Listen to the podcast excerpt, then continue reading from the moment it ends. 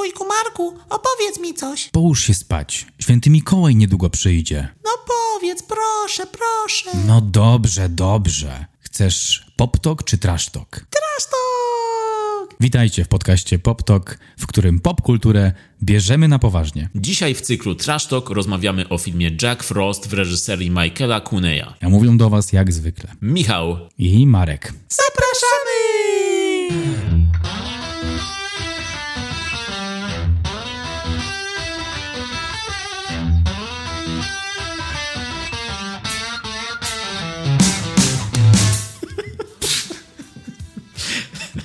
Ale synchron. Tak, Syn, tak. Weszliśmy w to vibratio wspólnie.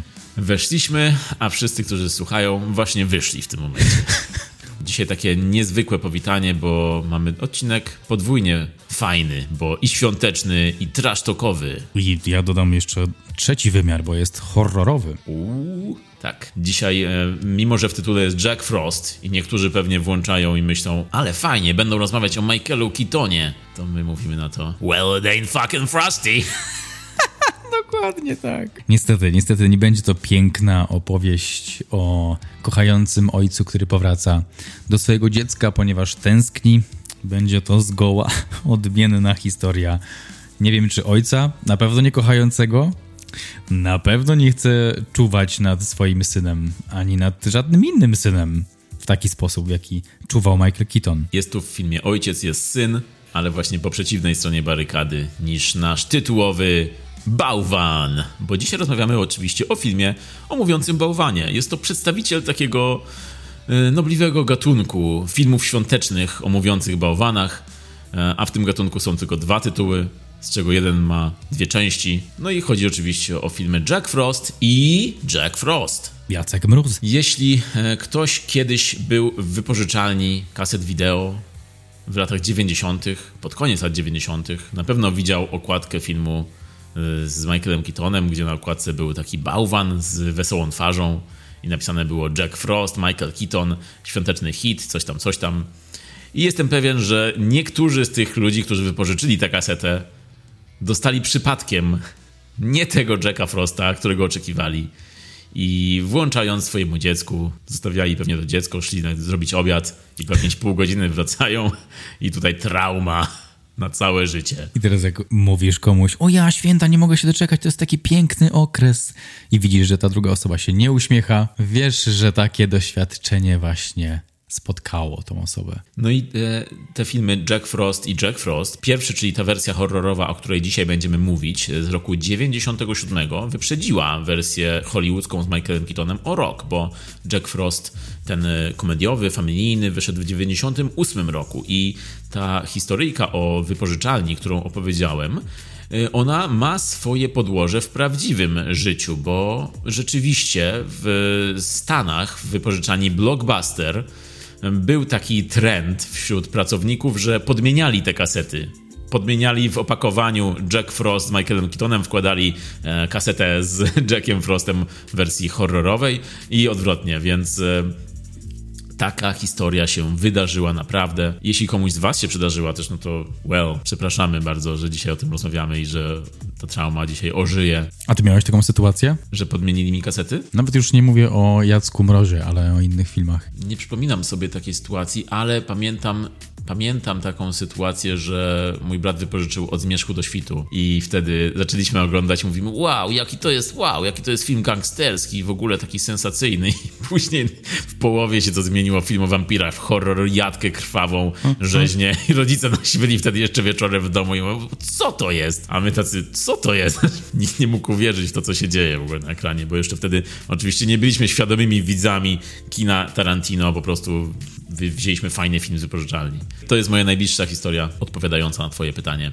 Nie wiem, czy zwróciłeś uwagę, ale mam dzisiaj specjalną koszulkę. Nie zwróciłem, nie? I nie wiem, czy zwróciłeś uwagę, ale mam dzisiaj specjalne skarpetki. Ciężko jest ignorować to, co teraz robisz ze swoim ciałem, więc Na skarpetkach mam bałwana, a na koszulce mam motyw świąteczny. co tam jest na tej To koszulce? jest mi- czapka Mikołaja. Jest Mikczak? chop. Mik, mik, czak, czap. Jest też jakiś napis. Jest. Ready, steady, go. To brzmi bardzo atletycznie, to nie brzmi jak święta. Bo święta trochę też są atletyczne, nie? Musisz dużo podnosić, Racja. musisz dużo, Skoków w dale robić. na przykład, musisz dużo skakać i biegać wokół choinki. Ale to pewnie też y, jest tekst do reniferów, no nie? Myślisz, że tak Mikołaj mówi do swoich reniferów? Myślę, że Mikołaj, słyszę go mówiącego te słowa do Ale słyszysz go tak w sensie, Rudolfa. w sensie czasami go słyszysz, czy w głowie Słyszę swojej? go teraz. Słyszę, podpowiada mi Marek, zbuduj bałwana. Dobrze się składa, bo dzisiaj spadł śnieg i możesz zbudować dzisiaj bałwana. Mogę zbudować bałwana? Pytanie, czy budować bałwana jak Michael Keaton, czy jak Scott McDonald? No według mnie te dwa bałwany są do siebie podobne dosyć. Są, są prawie identyczne. No tak, no ten drugi być może ma taką bardziej złowieszczą minę, ale, ale tak naprawdę oba są równie śmieszne. Tak, tak. Ale mają trochę inne origin story. Tak, to prawda. Wyobrażasz sobie Keatona oblanego chemikaliami? No właściwie bardziej mnie przekonuje wersja z oblaniem chemikaliami niż to, że po prostu dusza Kitona weszła w jakiegoś bałwana. Tak po prostu. Things happen. Takie rzeczy się zdarzają, są święta. Magiczny czas. Tak, tak. No tutaj w, w wersji z Michaelem Keatonem no, poszli na łatwiznę. Przynajmniej w tej wersji dzisiejszej, o której rozmawiamy, tam jest jakiś origin story, tam weszła jakaś myśl w początki tego bałwana. Jakie to są początki, zaraz się dowiecie. Tak jest, jest tam origin story. Bardzo przypomina origin story z innych filmów, e, na przykład, na przykład ze Spidermana, ale o tym trochę później. Tak, czy też na przykład Toksyczny Mściciel, Toxic Avenger, też tam było dosłownie to, że wpadł w chemikalia. Serio? To, Tak. to ty widziałeś, ja nie widziałem, ale wpada w chemikalia też przecież Joker z Batmana. Dokładnie. Czyli to jest popularny motyw po prostu. Tak, może trzeba wpaść w chemikalia i wtedy będzie się miało supermoce, czy nie? Ale będzie się wtedy też tym złym w tej historii. Okej, no dobrze, racja, racja. Chociaż Toksyczny Mściciel nie był do końca zły. On się mścił na tych złych, tak? Tak, tak, Rozumiem. tak, tak. Okej. Czyli można wpaść w chemikalia i zachować swoją em, dobroć nadal. A człowieczeństwo też? No nie, właśnie Już nie. człowieczeństwo to, tonie w chemikaliach Mm, zostaje tam. na dnie. I potem robią z tego mydło. I przechodzimy do podziemnego kręgu. Wszystko ma sens. Wszystko w, wszędzie naraz. Dobrze, no to może zanim zaczniemy mówić o filmie Jack Frost, y, no to powiedzmy takiego newsa e, i ważną informację dla słuchających. Mianowicie, jeśli włączyliście ten odcinek e, i interesuje Was ten film, no to jest to świetna okazja dla Was, bo film Jack Frost będzie grany w cyklu Najlepsze z najgorszych. W cyklu, który już z naszego podcastu pewnie znacie, e, bo zapowiadaliśmy tutaj przy okazji filmu Hard Ticket to Hawaii, bilet na Hawaje, właśnie projekcję tego filmu w kinie Charlie w Łodzi. I teraz e, Jack Frost będzie grany w różnych miastach w Polsce. Gdynia, Warszawa, Łódź, Wrocław, Poznań, Kraków, Katowice. W różnych kinach, no, z okazji tego, że zima są święta, więc jest to idealny wybór. No ale właśnie jednym z tych kin jest Łódź i kino Charlie e, i tam będzie Jack Frost 9 grudnia i my też tam będziemy z prelekcją, także serdecznie Was zapraszamy. Nie tyle gorąco, co zimno Was zapraszamy. I co, no nie da się przegapić takiego filmu i takiej prelekcji. Nie tyle zimno, co chłodno was zapraszamy, ale z taką empatią w głosie. Tak, z empatią i z marchewką na nosie. Z Z empatią, empatią w głosie. i marchewką na nosie. Ej! Ej, ej, ej! Tak, także jeśli chcecie więcej takich żartów, no to zapraszamy 9 grudnia do Łodzi, do kina Charlie. Tylko tam. Trzymajcie się siedzeń, Weźcie śnieżki. żeby je jeść z poziomu suchoty. tak. No, także be there or be square. Jeśli nie widzieliście filmu Jack Frost, to tak jak Michał wspominał, będzie okazja w kinie Charlie 9 grudnia. Natomiast jeśli zostaniecie z nami do końca, no to właściwie go trochę doświadczycie, bo będziemy dzisiaj o nim mówić w taki dokładny dosyć sposób. Będziemy przechodzić przez to, co tam się dzieje i trochę omawiać nasze reakcje, jak my się czuliśmy oglądając to arcydzieło. Arcydzieło, mocne słowo od razu powiem. Ale tak, no jest to jakieś dzieło. Czy arcy, to się dowiemy. Zanim przejdziemy do fabuły, no to parę słów jeszcze o osobie twórcy filmu. E, reżyser, scenarzysta, autor Michael Cooney, Brytyjczyk. Nie mylić z George'em Clooney. Nie mylić, bo to całkowicie dwa inne imiona i nazwiska. Czy sugerujesz, że nikt nie ma szans się pomylić? To nie jest tak jak z filmem Jack Frost. Nie pomyl filmu Jack Frost a Jack Frost. Tylko to jest George Clooney i Michael Cooney. Może się rymują? Tym bardziej, że George Clooney miał do czynienia z częścią z Michaelem Keatonem, bra. Otóż George Clooney miał grać Jacka Frosta, ale zrezygnował z tej roli na rzecz, uwaga, Batmana w filmie Batman i Robin. Tak, coś czułem, że na. A Keaton poszedł, you know what, I'ma be a snowman. you go be a Batman. To jest tyle poziomów teraz w tym, co powiedziałeś. Nie dość, że Keaton i Clooney obaj są przecież Batmanami, to Tak. jeszcze nie wiem, kto lepiej wyszedł na tej decyzji, bo i Keaton zagrał, zagrał bałwana, a George Clooney zagrał Batmana z sutkami. I tam jeszcze w tym filmie był Mr. Freeze, który był jakby tym, Batma- by, był jakby tym bałwanem po prostu dosłownie. No ciekawe, jak to sobie obkminiali panowie, Wow. czytając scenariusze. Do dzisiaj się z tego śmieją, coś czuję. Wracając do osoby twórcy Jacka Frosta z 97 roku, o którym dzisiaj mówimy, będziemy dzisiaj musieli jakoś rozróżniać się dwa filmy, bo to będzie trudne, ale spróbujemy. Um, Michael Cooney, reżyser, scenarzysta, Brytyjczyk, jak już powiedziałem, e, jest to człowiek, który pisze do dzisiaj sztuki teatralne. On odniósł sukces jako teatropisarz wielu sztuk e, w Wielkiej Brytanii i w Europie. E, On, e, słyszałem wywiady z nim i opowiadał swoją historię tego, jak, jak mieszkając w Wielkiej Brytanii i mając za ojca Reya Kuneya, który jest e, również teatropisarzem i również wystawia sztuki, no to miał taki nacisk ze strony rodziców, że on też musi takie rzeczy robić, ale nie chciał tego robić i w ramach buntu wyjechał do Stanów, e, zamieszkał w Los Angeles i chciał robić filmy. Tyle, że tam mu nie wyszło. Właśnie tym pierwszym projektem, który chciał zrobić był Jack Frost, bo na pomysł filmu o morderczym bałwanie wpadł. Wiesz, jak wpadł na pomysł filmu o morderczym bałwanie? Jak można wpaść na pomysł filmu o morderczym bałwanie? Wyszedł kiedyś na zewnątrz zimą, zobaczył bałwana i się przestraszył. To jest bardzo, bardzo blisko. Bo to było tak, jak on opowiada, że pojechał do jakiejś swojej chatki w górach zimą razem z parą znajomych, którzy wszyscy byli w, w biznesie filmowym. E, I wyszli we dwóch ze swoim kolegą na śnieg i zbudowali bałwana, jakiegoś takiego podobno śmiesznego bałwana. I ten bałwan był blisko okna tego, tej chatki.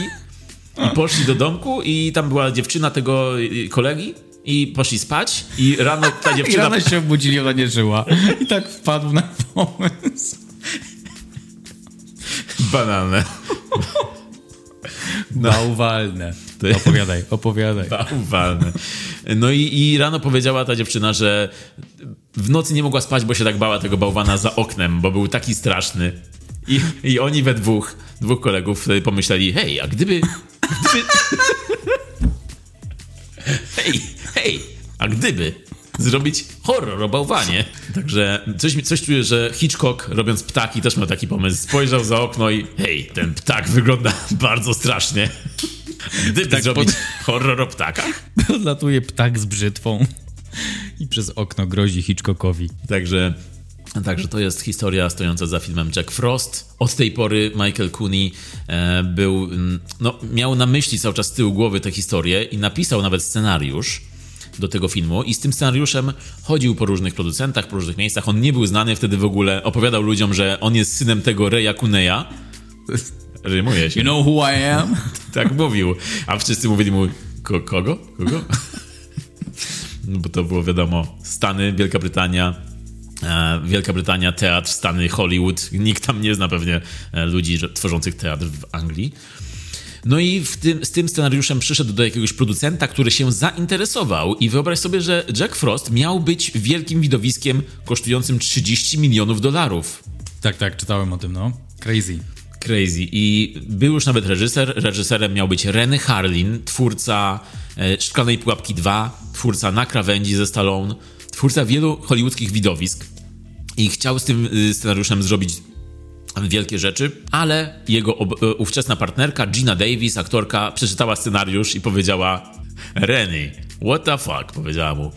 Powiedziała, że ten scenariusz nie ma szans, żebyś go zrobił. E, Zamiast tego zróbmy ten drugi, bo spodobał jej się scenariusz do filmu Wyspa Piratów. Film, który Renny Harlin rzeczywiście zrobił i który odniósł ogromną klęskę i był jakby końcem pewnej ery w, w- nie tylko w Hollywood, ale w karierze właśnie Renego Harlina.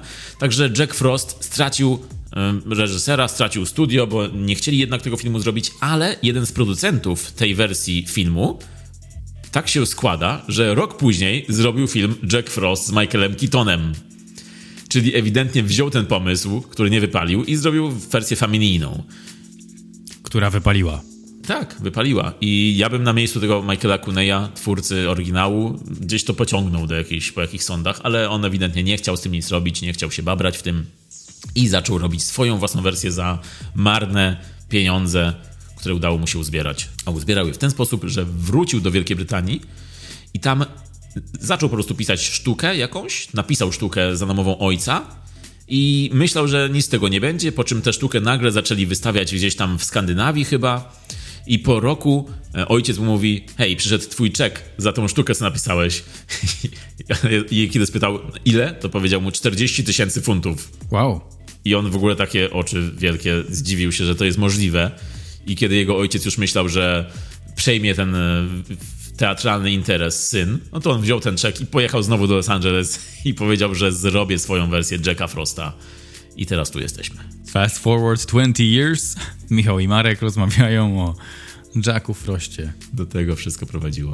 Dziękujemy Ci, Michael. Moi drodzy, Jacek Mróz, Jack Frost. To była przepiękna jazda, jazda wielu zaskoczeń i wielu gatunkowych przyjemności.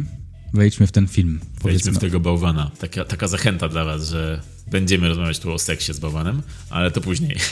Gdybyście zastanawiali się, czy dalej słuchać, czy nie, to już wiecie, że tak. Ojejku, od czego tu zacząć? Od czego tu zacząć? Od, może od tego, że to, w jaki sposób was powitaliśmy, to było, to było zapożyczone z filmu, bo tak film się zaczyna. Zaczyna się rozmową między małą dziewczynką. Ten głos dziewczynki jest, w ogóle to nie jest dziewczynka, to jest jakiś dorosły facet chyba.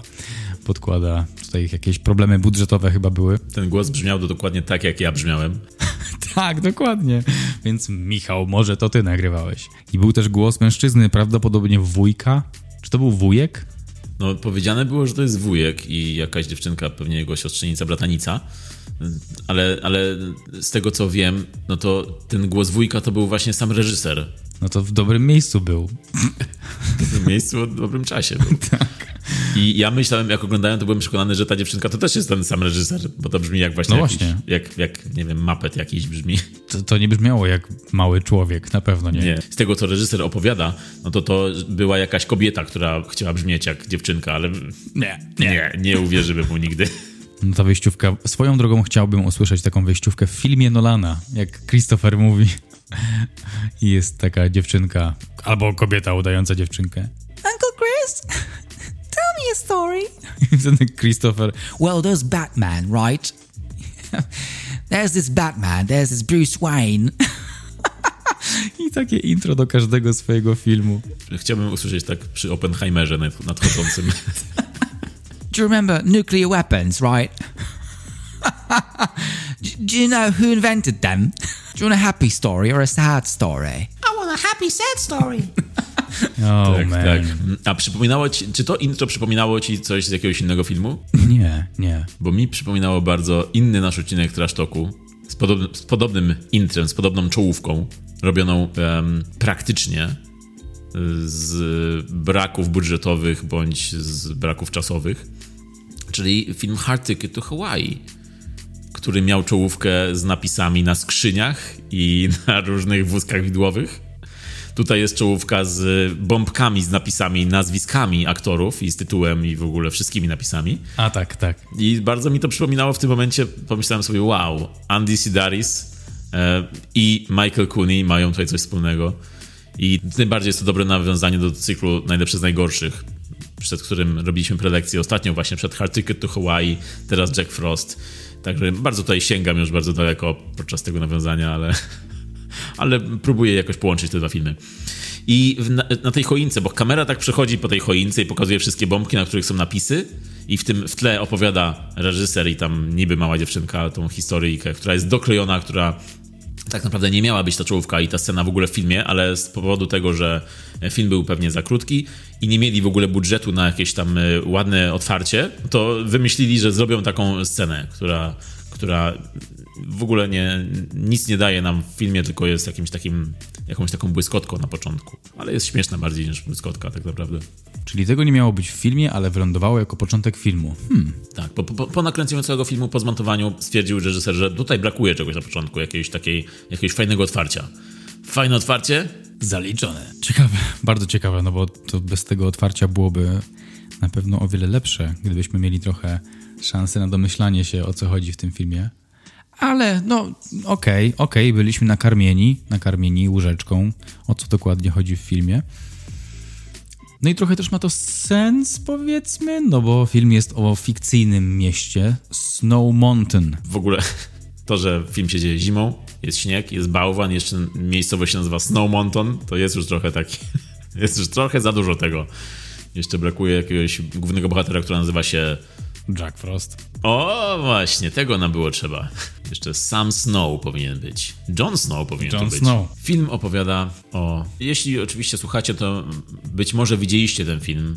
Jego trudno dorwać, jeśli nie widzieliście, albo nawet widzieliście, to macie teraz okazję, właśnie przy okazji najlepszych z najgorszych. Jest to historia seryjnego mordercy, który zostaje przewieziony na egzekucję i podczas tego przewożenia na egzekucję ten samochód policyjny jedzie podczas największej zamieci śnieżnej, jaką można sobie wyobrazić. Nie wiem, kto podjął tą decyzję, żeby ten samochód pojechał podczas tej zamieci. Reżyser. Reżyser, tak. I jadą, jest dwóch kierowców, wyglądają jakby siedzieli sobie na kolanach w ogóle. Oh man, bardzo, bardzo tak, no. Nic nie widać, tylko ich właśnie takie dwie twarze jakby przytulone do siebie i patrzą na tą drogę, jak w jakimś teatrzyku w ogóle dziecięcym, takim wystoją, takie dwie twarze wystające. No i jadą, jadą, rozmawiają, a tam z tyłu na pacę jedzie skuty morderca. Nie mylić z pijany. Nie, nie mylić. Który dosłownie nazywa się Jack Frost. To nie jest tak, że on później jako bałwan jest Jackiem Frostem. On się nazywa Jack Frost. To nie jest tego alter ego. On od urodzenia był, to było jego przeznaczenie. Nazwali go. No i on jedzie i oczywiście jedzie z tyłu z policjantem i tego policjanta obezwładnia, zabija. E, nie wiem po co, skoro i tak on wie, że zaraz ten samochód ulegnie wypadkowi. Nie wiem dlaczego wie, ale wie, bo minutę przed wypadkiem, nie minutę, sekundę przed wypadkiem spo, spogląda w kamerę i mówi Oh yeah! tak, rewelacja, rewelacja to było Oh yeah! Czuję, że będzie wypadek. Super to było. To była taka migawka z reklamy Pepsi jakiejś, coś takiego wrzucone. Wzrok na kamerę, czwarta ściana. Oh yeah! Lecimy, proszę państwa. Film się właśnie zaczął. Zapnijcie pasy. What does that mean? It means buckle your seatbelt, Dorothy, because Kansas is going bye-bye. Nie tak jak my, bo my nie mamy pasów zapiętych jadąc samochodem. No i jest wypadek, bo po drugiej stronie jedzie jakiś dostawczy samochód, na którym jest napisane genetic coś tam, coś tam, czyli jak każdy, każde laboratorium przewozi swoje genetyczne mm, chemikalia podczas śnieżycy z kierowcą, który wlewa sobie herbatę w momencie prowadzenia podczas śnieżycy. Tak, wszystkie środki bezpieczeństwa zostały zachowane. Tak. No i jest scena, kiedy wszyscy kierowcy na siebie patrzą i jest takie what the fuck. Każdy po kolei mówi, to było fajne. I zderzają się, no i oczywiście jest wypadek, który jest najmniej przekonującym wypadkiem, jaki widziałem w życiu. Po prostu ktoś stał i kamerę obracał wokół osi. Tak, a ludzie po prostu robili i tak się kręcili po prostu dookoła. I Jack Frost w tym samym czasie. Oh yeah! Tak, to było piękne. On, on czuł, że będzie ten wypadek. On już to czuł. No i, no i oczywiście podczas wypadku wszyscy leżą nieprzytomni, tylko Jack Frost wyskakuje z tego vana z tyłu, oswobodzony. No i kiedy już chce zabić policjanta prowadzącego ten, ten van policyjny, to w tym momencie co się dzieje? Dzieje się coś niespotykanego, mianowicie chemikalia, które są e, w tym drugim samochodzie, wylewają się na Jacka Frosta w bardzo agresywny sposób, wyżygują to wszystko i Jack Frost skąpany w chemikaliach niczym Jennifer Lopez na scenie jako stripteaserka doświadcza całego związanego z tym bólu. Jest zimno, jest ochlapywany chemikaliami i zaczyna mu skóra odchodzić i mieszać się ze śniegiem. To jest w ogóle bardzo ekspresowe tempo. On, on topnieje jak czarownica w Czarnoksiężniku z Oz. On topnieje po prostu raz, dwa w ten śnieg się wsi wsiąka w śnieg. Ale zanim jeszcze w ogóle, jak ten wybucha ten samochód z chemikaliami na niego, to on spogląda znowu w kamerę i mówi co? This is gonna hurt. tak. Czyli takie, zostańcie ze mną. to się jeszcze nie kończy. Tak, no on jest, on jest ewidentnie takim świątecznym, niskobudżetowym Deadpoolem. Łamie czwartą ścianę na każdej możliwej okazji. Ale świetne porównanie, oj tak. Dokładnie tak. On był Deadpoolem before it was cool. Tak, to od niego Ryan Reynolds wziął tę pasję całą właśnie. No i co? No i ten twarz, kwas na twarz, kwas na ciało, trochę gor widzimy, e, widzimy jego szkielet po chwili i wszystko zaraz wsiąka w ten śnieg. No i co się dzieje, jak wsiąka, wsiąka Jack Frost razem z chemikaliami w śnieg? Co się musi stać? Oczywiście musi się połączyć jego ciało ze śniegiem i staje się jednym i Jack Frost staje się myślącym, mówiącym śniegiem po prostu. Tak, tak. Ale jeszcze była taka ciekawa animacja w trakcie pokazująca łączenie się komórek ludzkich z tymi komórkami śniegowymi i te krwinki chyba czerwone, one hodują takie, takie sople lodu. W tej animacji jest to pokazane. To było piękne i to jeszcze takie w pęcie robione, nie? Tak, na pewno nie przez Patryka Wege jako młodego chłopca, który wygrał nagrodę Guinnessa. Był w księdze i z księdzem. Hej, Polecamy odcinek o niewidzialnej wojnie, wszystko wtedy stanie się jasne. Dokładnie. No i co? No Jack Frost staje się śniegiem, wszystko ma idealny sens tutaj, to jest, tak się po prostu dzieje. Kiedy Tak umierasz dzieje. na śniegu, jest w to wmieszany kwas jakikolwiek, no to łączysz się ze śniegiem i ten śnieg nagle zaczyna się ruszać. Mamy tutaj sugestię, że on się zmienił w jakby, nie wiem, w kulę śnieżną, która się przesuwa. Nie widać tego, ale na twarzy tego policjanta zszokowanego widać, że ten śnieg żyje.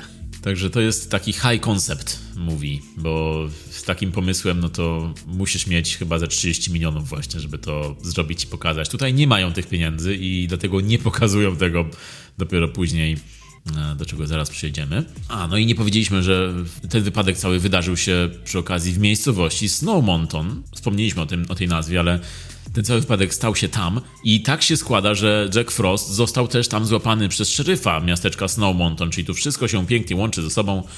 Szeryf Snowmonton myśli, że już Jack Frost jedzie na egzekucję, już myśli, że wszystko jest ok, wszyscy są bezpieczni, ale nie wie, że niebezpieczeństwo dopiero się do niego zbliża. Także no, on, on ma z tym człowiekiem, czyli szeryf z Jackiem Frostem, ma związane specjalne, specjalnego rodzaju traumy, które go doganiają w nocy, go wybudzają ze snu. Jest to też bardzo wizualnie przedstawione w filmie, pokazując Jacka Frosta wydzierającego się po bardzo głośnej sprawie sądowej na schodach wielkiego budynku sądowego. Wydziera się w stronę szeryfa i mówi mu, że go znajdzie, że znajdzie sposób, że go zabije, że zabije całą jego rodzinę. To, jest taki, to był taki Linda osadzony w Stanach, schodzący po schodach w pomarańczowym wdzianku. Cię znajdę i zabiję Rozumiesz? Twoja matka, babka twojego bałwana. odetnę głowę kolegom twojego syna. No właśnie, możemy przejść do tej sceny, bo to jest piękna scena, która już nam wprowadza e, postać morderczego bałwana.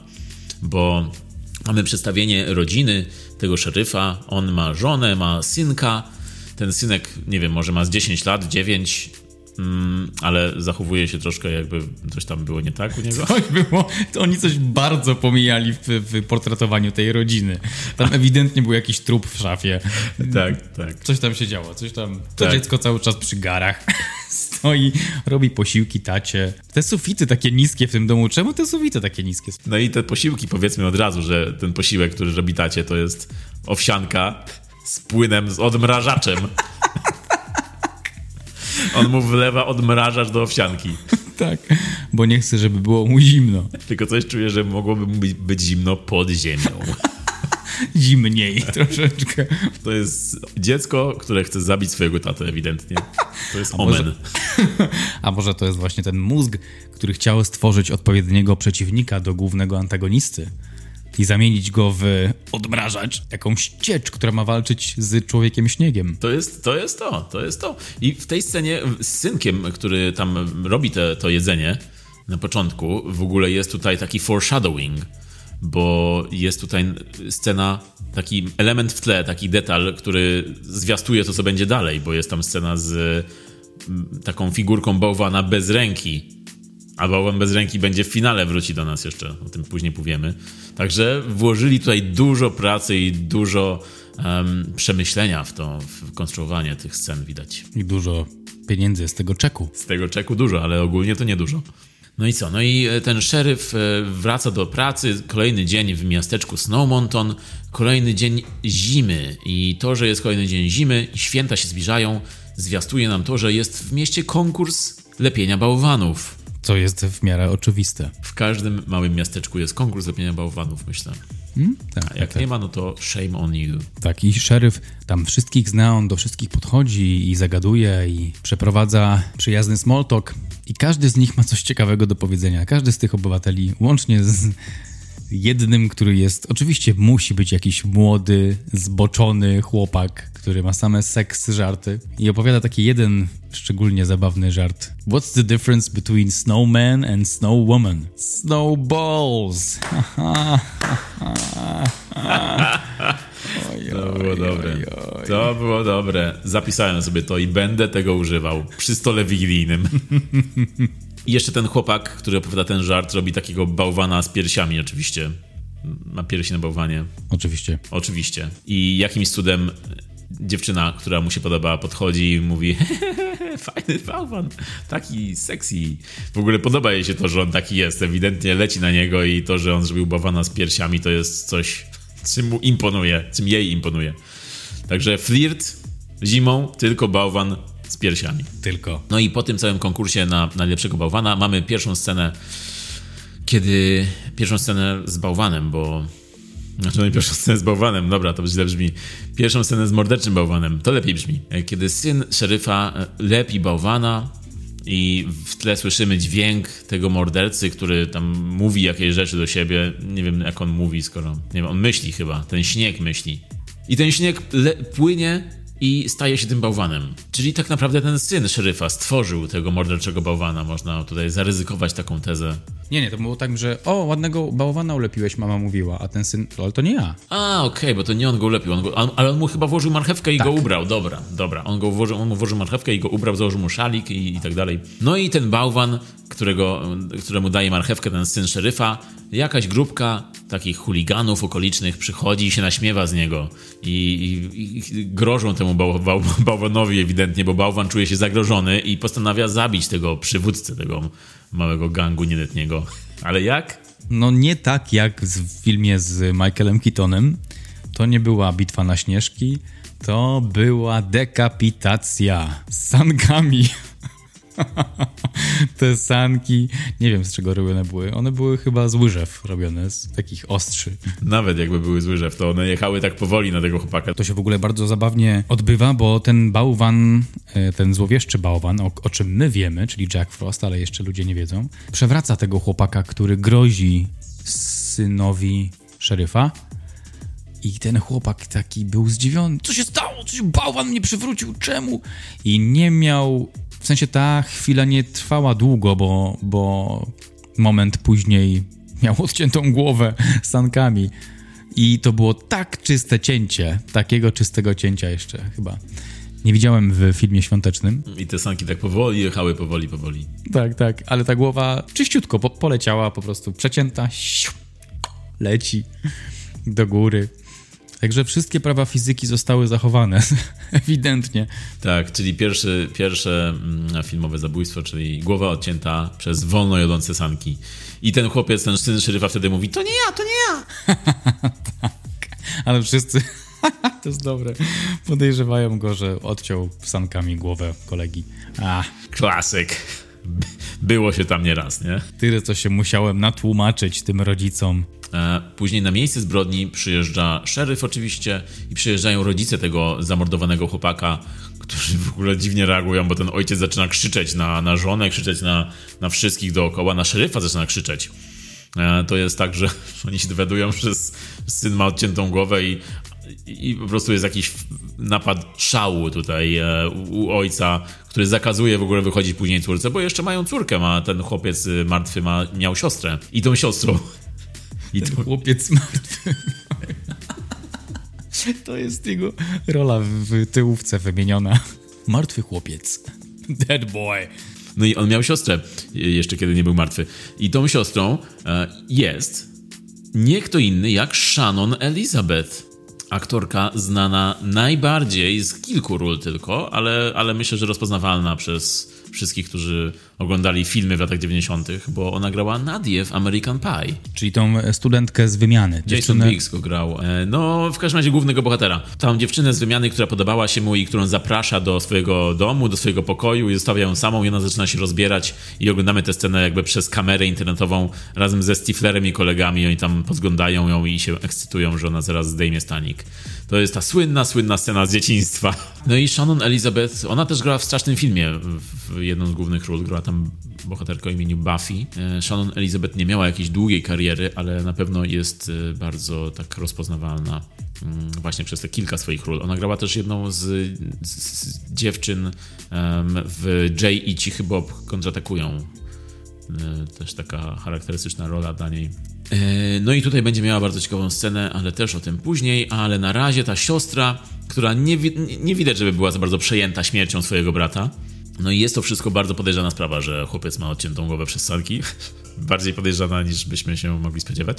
Tam pode- zaczynają podejrzewać, tam jest FBI, nagle, nagle się budzi z letargu, że o tutaj, w tym miasteczku dzieją się rzeczy, które wyglądają mi na Jacka Frosta. To jest w ogóle super, super po prostu moment, kiedy jedno dziecko ginie i, i nagle jakiś agent FBI dzwoni i mówi, że tutaj na pewno jest Jack Frost, bo on podobnie mordował jest jedynym człowiekiem na całym świecie, który mógłby to zrobić. I no i FBI oczywiście tutaj wchodzi w grę, po czym później się okazuje, że w FBI jednak e, też mają więcej na sumieniu niż byśmy się mogli spodziewać. Tak, to FBI w ogóle było przedstawiane tak, jak każdy Amerykanin typowy widzi FBI, czyli ultra ściśle, tajne wszystko. Najlepiej rozmowa przez ściany, przez walkie-talkie, nigdy nie poznawanie nikogo personalnie i wszystko było takie na maksa super classified. No i oni właśnie już wiedzą, że coś tu jest więcej na rzeczy, bo oni byli zamieszani w ten cały kwas, który przewoziła ta druga ciężarówka. I w ogóle to jest też kolejny zbieg okoliczności, że ciężarówka przewożąca ich więźnia zderza się z ich ciężarówką przewożącą kwas. Ktoś tutaj trasę źle zaplanował. Dwie trasy nawet źle zaplanował. I dalej mamy kolejną scenę zabójstwa. Tym razem chodzi o właśnie ojca i matkę tego martwego chłopca. Do nich przychodzi do domu bałwan po prostu. Swoją drogą to jest ciekawe, że ten bałwan mści się na wszystkich mieszkańcach z tego miasteczka. Why? Tylko dlatego, żeby szeryfowi za, zaszkodzić, tak? Żeby mu zniszczyć całe życie? Bo on ma taką misję, żeby właśnie zabić szeryfa, nie? Żeby się zemścić na szeryfie za to, że go złapał. W ogóle scena, w której go złapał, to jest... Naj... Każde dziecko by mogło to zrobić. Hej, co tutaj robisz? Kiedy, kiedy morderca się odlewa akurat przy trasie, wysiada z samochodu i on go... Hej, znam cię skądś. Hej, stój, złoczyńco. I jest koniec sceny i jest w więzieniu już morderca. To jest, to jest świetna robota, szeryf. Wygląda, ewidentnie wygląda na kogoś, kto zabił 38 osób w 11 stanach. A jak się pomylił? A jak to wszystko to jest jakaś tragicz, to jest jakieś tragiczne nieporozumienie? Właśnie. Dajcie temu człowiekowi sprawiedliwy proces. No i wracając do tego, co jest teraz w filmie, to rzeczywiście mm, on chce się zemścić na szeryfie, a przy okazji morduje wszystkich tak jakby miał taką, taką wiesz, chęć mordowania po prostu, kto popadnie. No ale nie jest to na pewno najlepszy sposób na zemstę na jednej osobie, bo wszyscy się dowiedzą zanim dojdziesz do tej osoby. No ale w każdym razie mamy teraz scenę, kiedy, kiedy ten ojciec i matka tego martwego chłopca są w domu, rozpaczają. Córka oczywiście nie rozpacza, tylko ona chce wyjść na randkę. Pierwsza rzecz, która ci przychodzi do głowy, kiedy twój brat zmarł, to idziesz uprawiać seks. No i on, ten ojciec się na nią wydziera, gdzie ty leziesz. I ona wychodzi i on idzie na papierosa i nagle zaczyna do niego bałwan mówić, przy, przy czym on nie wie, kto mówi do niego i tak chodzi i szuka, kto to, kto to do mnie mówi, tak chodzi i się rozgląda, kto to mówi, kto to mówi. I nie zauważa, że przed nim stoi jakiś wielki bałwan. Nie jest to w ogóle dziwne, że na środku jego podwórka stoi wielki bałwan.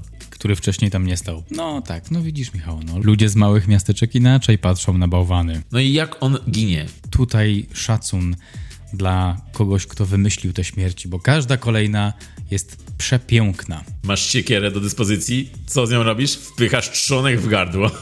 Przy czym, przy czym to jest fizycznie niemożliwe, żeby wepchnąć tak prosto trzonek siekiery w gardło, ale tam się udało. I tu jeszcze on tak wygląda jakby tak się zakrzywił ten, ten, ten trzonek, on tak pada Tak. i ta siekiera mu wystaje i wygląda jakby ona była gumowa w ogóle, Dokładnie, dokładnie. bo jakby ją połknął, no ale no, no okej, no mógł użyć inaczej siekiery. Ciekawe jest to, że reżyser e, wypowiadał się, że te pomysły na sceny śmierci e, to są takie sceny, jakie on, jakich on jeszcze nie widział. On chciał zrobić takie, takie zabójstwa, jakich nie widział jeszcze w horrorach, w slasherach. I tutaj trzeba mu zwrócić honor rzeczywiście, że są to bardzo dobre pomysły i gdyby był lepszy budżet, na pewno by to dobrze wyglądało. Tutaj nie wygląda to za dobrze, ale bardzo fajnie się to ogląda właśnie. Ma, ma inny charakter, nie taki typowo horrorowy, slasherowy, ale komediowy właśnie. I, i, I ta scena wpychania trzonka w gardło, trzonka siekiery, y, ma swój.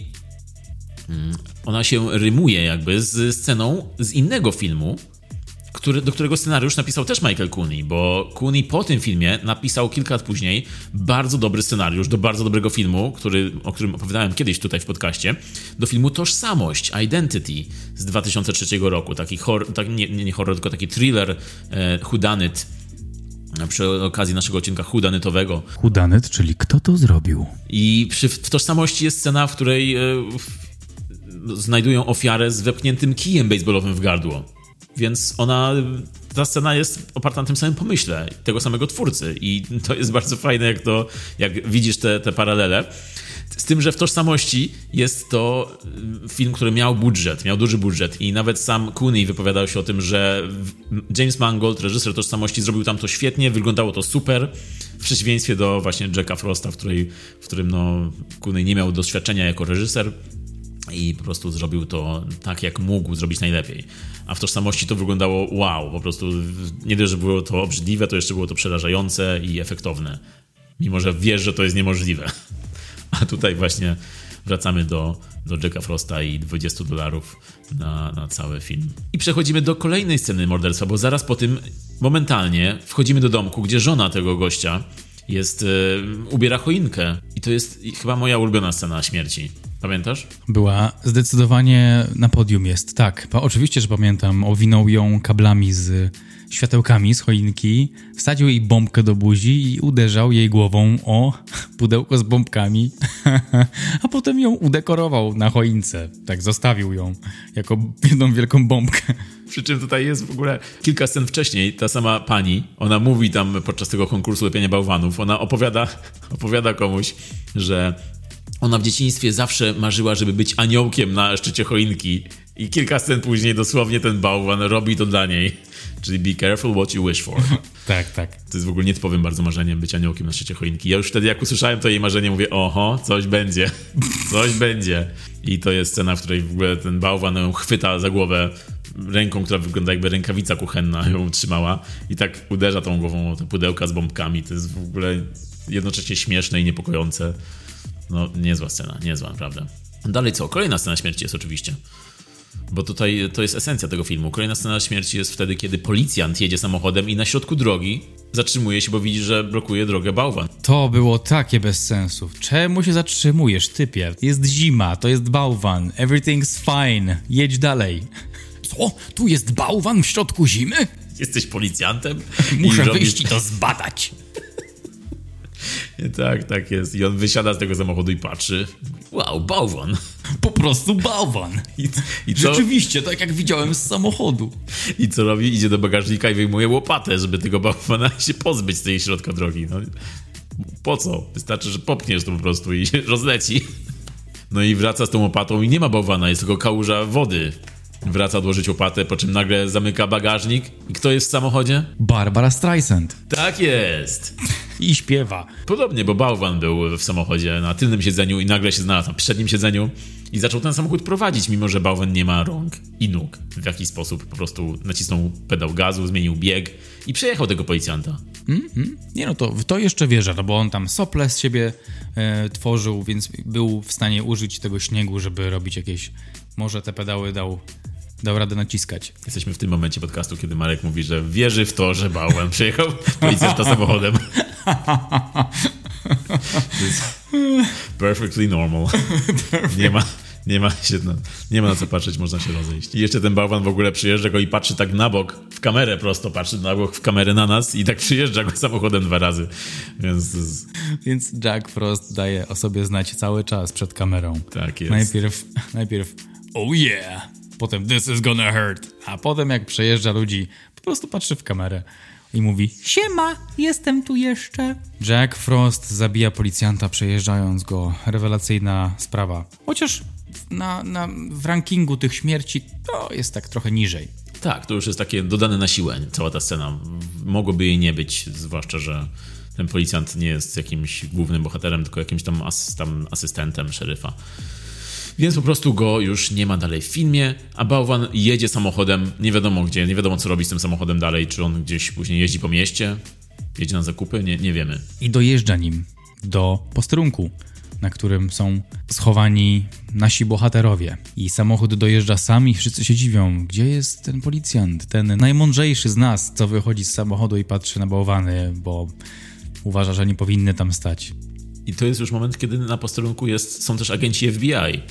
Jest ten e, jeden agent Manning chyba i, i, i jakiś tam ten jajogłowy razem z nim. Sorry dla wszystkich naukowców. Tak, naukowiec, który, którego właśnie to jest wina, całe, ten, całe to zamieszanie, cały ten kwas to jest jego wina. Bo on pracował nad tym kwasem gdzieś w laboratorium, gdzieś, bo on pracował nad tym kwasem gdzieś w laboratorium i ten kwas się właśnie wydostał.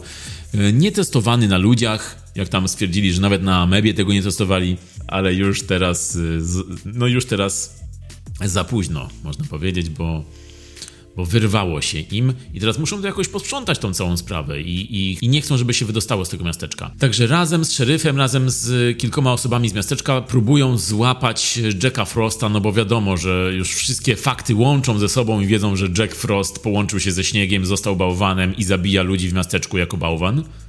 Obvious. Pamiętasz scenę, kiedy analizują ślady? Tak, ale byłem pod wrażeniem tego ustawienia kamery i tego, jak e, ten próbnik w wodzie maczają.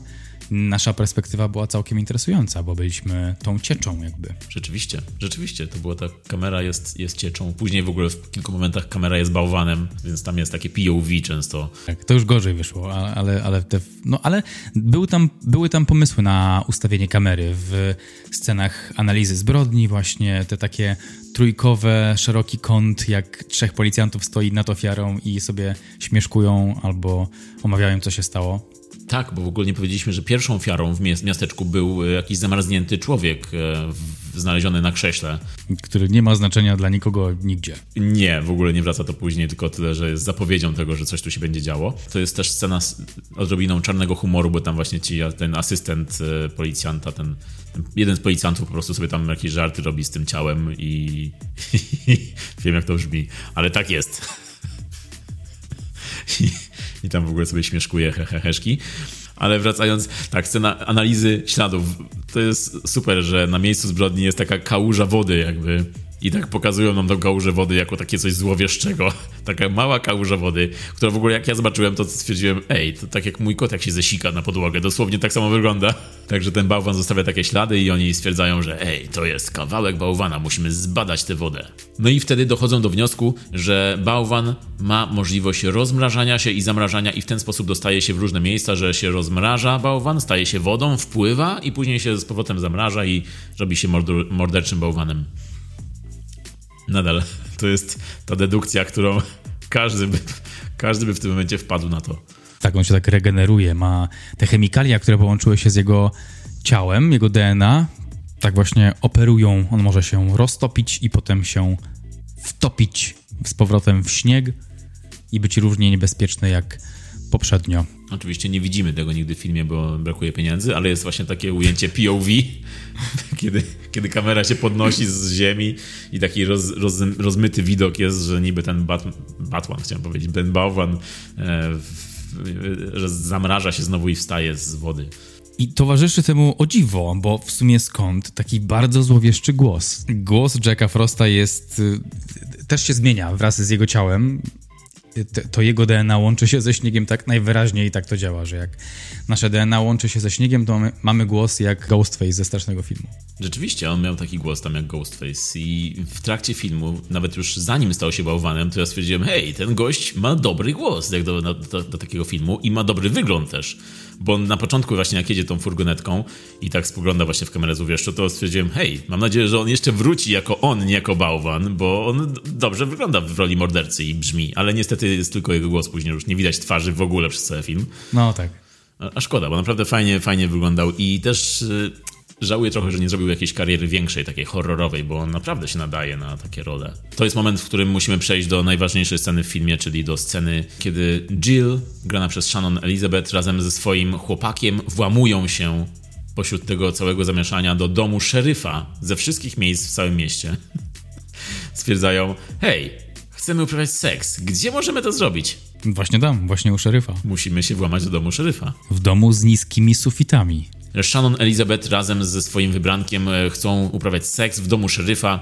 Ona idzie na górę, suszy włosy, nie wiem dlaczego, on zostaje na dole, ma przygotować tą scenę i ma tam, ona mu mówi, ej, to tutaj zrób nastrój, zrób to, zrób tamto, przygotuj wino. On tam się stara, wyjmuje w ogóle z lodówki coś, wyjmuje tutaj, szu- szuka po szufladach szeryfa w kuchni różnych rzeczy potrzebnych. Ona na górze cały czas suszy włosy. Wiesz dlaczego suszy włosy? Tell me why, please. Dlatego, żeby nie słyszeć, co się dzieje na dole. I na dole oczywiście mm, dzieje, zaczynają się dziać dziwne rzeczy. Ktoś rzuca śnieżkami w okno. Ten chłopak na dole cały przejęty, że to szeryf wrócił. Otwiera drzwi i na niego wyskakuje bałwan z tekstem Well, it ain't fucking frosty. No i zabija tego chłopaka, e, też w bardzo fajnej scenie, rzucając w niego, strzelając w niego soplami lodu. Pierwszy sopel trafia go w klatę, drugi trafia go w głowę, przebija przez drzwi na wylot i jest takie ujęcie, kiedy widzimy przez, dziurę, przez dziurę w drzwiach taki jeszcze bijący mózg, żyjący kawałek mózgu. Także jest to imponująca scena jak na, jak na warunki. Jak na brak pieniędzy. Tak jest, tak jest. No, no, fajna scena. Oprócz tego, że ten bałwan wygląda na pluszowego misia po prostu cały czas. Ale te brwi, brwi dużo robią, wydaje mi się, w Jacku Froście. Takie wkurzone brwi. To jest to wszystko. I ma taką, taką paszczę jakby namalowaną. Ma dziwną, taką, ma dziwną, niby, niby taką śmieszną, zabawkową urodę, a jednak jest coś tym takiego dziwnego. I kiedy reżyser miał w głowie ten film, no to myślał, że to będzie bardziej horror stricte, a kiedy zobaczył, jak ten bałwan wygląda, jak go zrobili, to stwierdzili, nie, nie, to musi być bardziej horror komediowy niż horror. No i to była dobra, dobra decyzja, bo na poważnie ciężko by było wziąć tego bałwana, który wygląda jak takie trzy poduchy na sobie i te ręce są jak takie rękawice kuchenne, wszystko jest takie pluszowe w nim. Na dole ginie ten chłopak, a tymczasem na górze Jill kończy suszyć włosy, które były od początku suche. W ogóle to, że ona włamuje się z tym chłopakiem do domu szeryfa, kiedy jej brat właśnie zginął przez dekapitację, a ona chce uprawiać seks ze swoim chłopakiem, to jest, to jest Ameryka w pigułce. I ma tutaj dosłownie scenę jak z American Pie. Ona jest nadal tą samą postacią, co w American Pie. Ona jest napalona, krzyczy do tego chłopaka, woła go, czy już możemy, czy już możemy. Po czym nagle widzi, że w wannie jest nalana woda i mówi, o, to dla mnie postarałeś się. Właśnie wysuszyłam włosy, ale co tam? Idziemy się kąpać. I wchodzi do tej wanny i tutaj jest scena po prostu, no... Ciężko to opowiedzieć, lepiej zobaczyć oczywiście, ale postaramy się. To chyba można powiedzieć, że była to scena gwałtu. To była scena gwałtu, przy czym czy, czy ty jak oglądałeś tę scenę, to wyczułeś od razu, że to jest scena gwałtu? No bo ja jak oglądałem to powiem ci, że w ogóle jak to się zaczyna? Ona bierze kąpiel, leży w wannie, w wodzie. Oczywiście jest to jej, w ogóle to jest debiut aktorski Shannon Elizabeth. Ona tam jeszcze nie pokazuje ciała, w przeciwieństwie do American Pie. Ona tam jest tylko jakiś taki, wiesz, wszystko jest zamaskowane, bardzo się starają, niby w Austinie Powersie, jak scena, jak zasłaniają wszystkie private parts. Tutaj też jest tak, że cały czas zasłaniają. No i ona y, bierze kąpiel w tej wannie i nagle z wody wypływa marchewka i uderza ją tam w biodro. I ona, ona się dziwi, co się dzieje i nagle ta cała wanna wody zamarza, ona zamarza w tej wannie, jest tak jakby pokryta śniegiem i z wanny zaczyna wychodzić, powstawać bałwan. I ona jest jakby, jest jakby w tym bałwanie, jest jakby wbudowana w bałwana. Jest jakby zamarznięta, jej ręce i nogi są zniewolone w bałwanie i, i tutaj jest, że, i tutaj dzieją się rzeczy niepokojące, bo on wstając z tej wanny zaczyna nią jakby uderzać o ścianę, z tym, że on nie ma tej marchewki na nosie. I ja na początku myślałem, że on po prostu ją uderza o ścianę i ona ginie od tych uderzeń o ścianę. Przy czym zaraz powiedziałem, wait a minute. Where's the carrot? Dokładnie, bo tutaj nam sugerują, że on gwałci. Bałwan gwałci tą Jill marchewką. I że ona umiera z gwałtu. Czy kiedykolwiek myślałeś w swoim życiu, że powiemy takie zdanie? Muszę zastanowić się nad tą relacją, Michał. Gdzie to zmierza? Także bałwan no, nie wiem, ta scena jest bardzo dziwna. Twórca się nie bał iść w takie kontrowersyjne tematy, więc czemu my się mamy bać? I'm not afraid, you're afraid. Wyjątkowo kreatywna śmierć. Na podium, myślisz? No myślę, że na podium. No, jest to bardzo dziwna scena, bo ona jest bardzo odrażająca tak naprawdę. Jak pomyślisz o tym, co się tam dzieje, to jest to odrażające. Takie no, odpychające bardzo, ale podczas oglądania pierwszy raz właśnie tak stwierdziłem, że to jest normalnie, że on ją uderza o ścianę i ona tam nagle pada na podłogę. Ale właśnie zaraz powtórzyłem sobie tą scenę, bo stwierdziłem, że hej, czy to Wait jest to, minute. tak, czy to jest to, o czym myślę. I to właśnie wygląda tak, i to ciekawe, to oryginalnie w scenariuszu to właśnie była scena, kiedy ona umiera od uderzenia w ścianę. O ścianę, ale, ale kiedy nakręcili to i montowali film, to montażysta powiedział reżyserowi: Ty, ale wiesz, ty, ale wiesz, jak to wygląda. I tak było naprawdę, że dopiero w montażu oni obaj stwierdzili, że to wygląda jak scena gwałtu. I dopiero po tym montowaniu dograł e, scenę, kiedy właśnie bałwan rzuca jakimś jeszcze one-linerem i to dopiero się później zmieniło w taką scenę, jaka jest. Z braku, znowu z braków budżetowych, bo nie mogli dokręcić jeszcze raz tej sceny. E, no, także jest to bardzo niepokojąca ostatecznie scena. A najlepsze jest to, jak oni kręcili tę scenę, bo reżyser opowiadał, że była to najtrudniejsza scena do, do zrobienia. Żeby ją nakręcić, wybudowali specjalnie dwie łazienki, z czego jedna była nad ziemią i miała dziurę w podłodze, i w tę dziurę w podłodze y, był włożony 3-metrowy bałwan, który był na wózku i jeździł w jedną i w drugą stronę, żeby i trzymał tą Shannon Elizabeth, żeby mogli wyglądać tak, jak wyglądają w filmie. I to była po prostu scena podobno bardzo skomplikowana. I podczas kręcenia tej sceny e, bałwan miał marchewkę na nosie.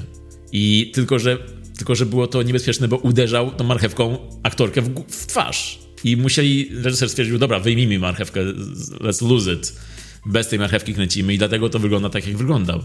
Teraz e, no, wiadomo, jak wygląda. Już to opisałeś w ciągu ostatnich 20 minut. Tak, bardzo cię tutaj skupiam na tej scenie, bo bardzo mnie to, bardzo mnie intrygują takie pomysły. Jak, jak, jak, dlaczego, why? Ale z drugiej strony właśnie to jest to, co najbardziej zapamiętujesz z tego, z takiego filmu. No i oczywiście, kiedy Shannon Elizabeth upada na podłogę, tutaj oczywiście jeszcze łapie po drodze e, zasłonkę z prysznica, co jest hołdem dla psychozy Hitchcocka, no ale ona upada, wylewa się krew z buzi, a banan... Ba banan... Bałwan, Batman, banan. Co jeszcze będzie? A bałwan rzuca tutaj tekst. Banana Man. Chociaż banan bardziej pasuje do tej sceny właściwie. Bałwan rzuca tutaj one-linerem oczywiście zero smaku i zero wyczucia z jego strony. Typowy banan. Typowy banan mówi wtedy Christmas came early. tak. Także no jest tutaj bardzo intensywna sugestia, że to była scena seksu. Wow, mamy to za sobą, mamy ten trudny, kontrowersyjny moment e, za sobą.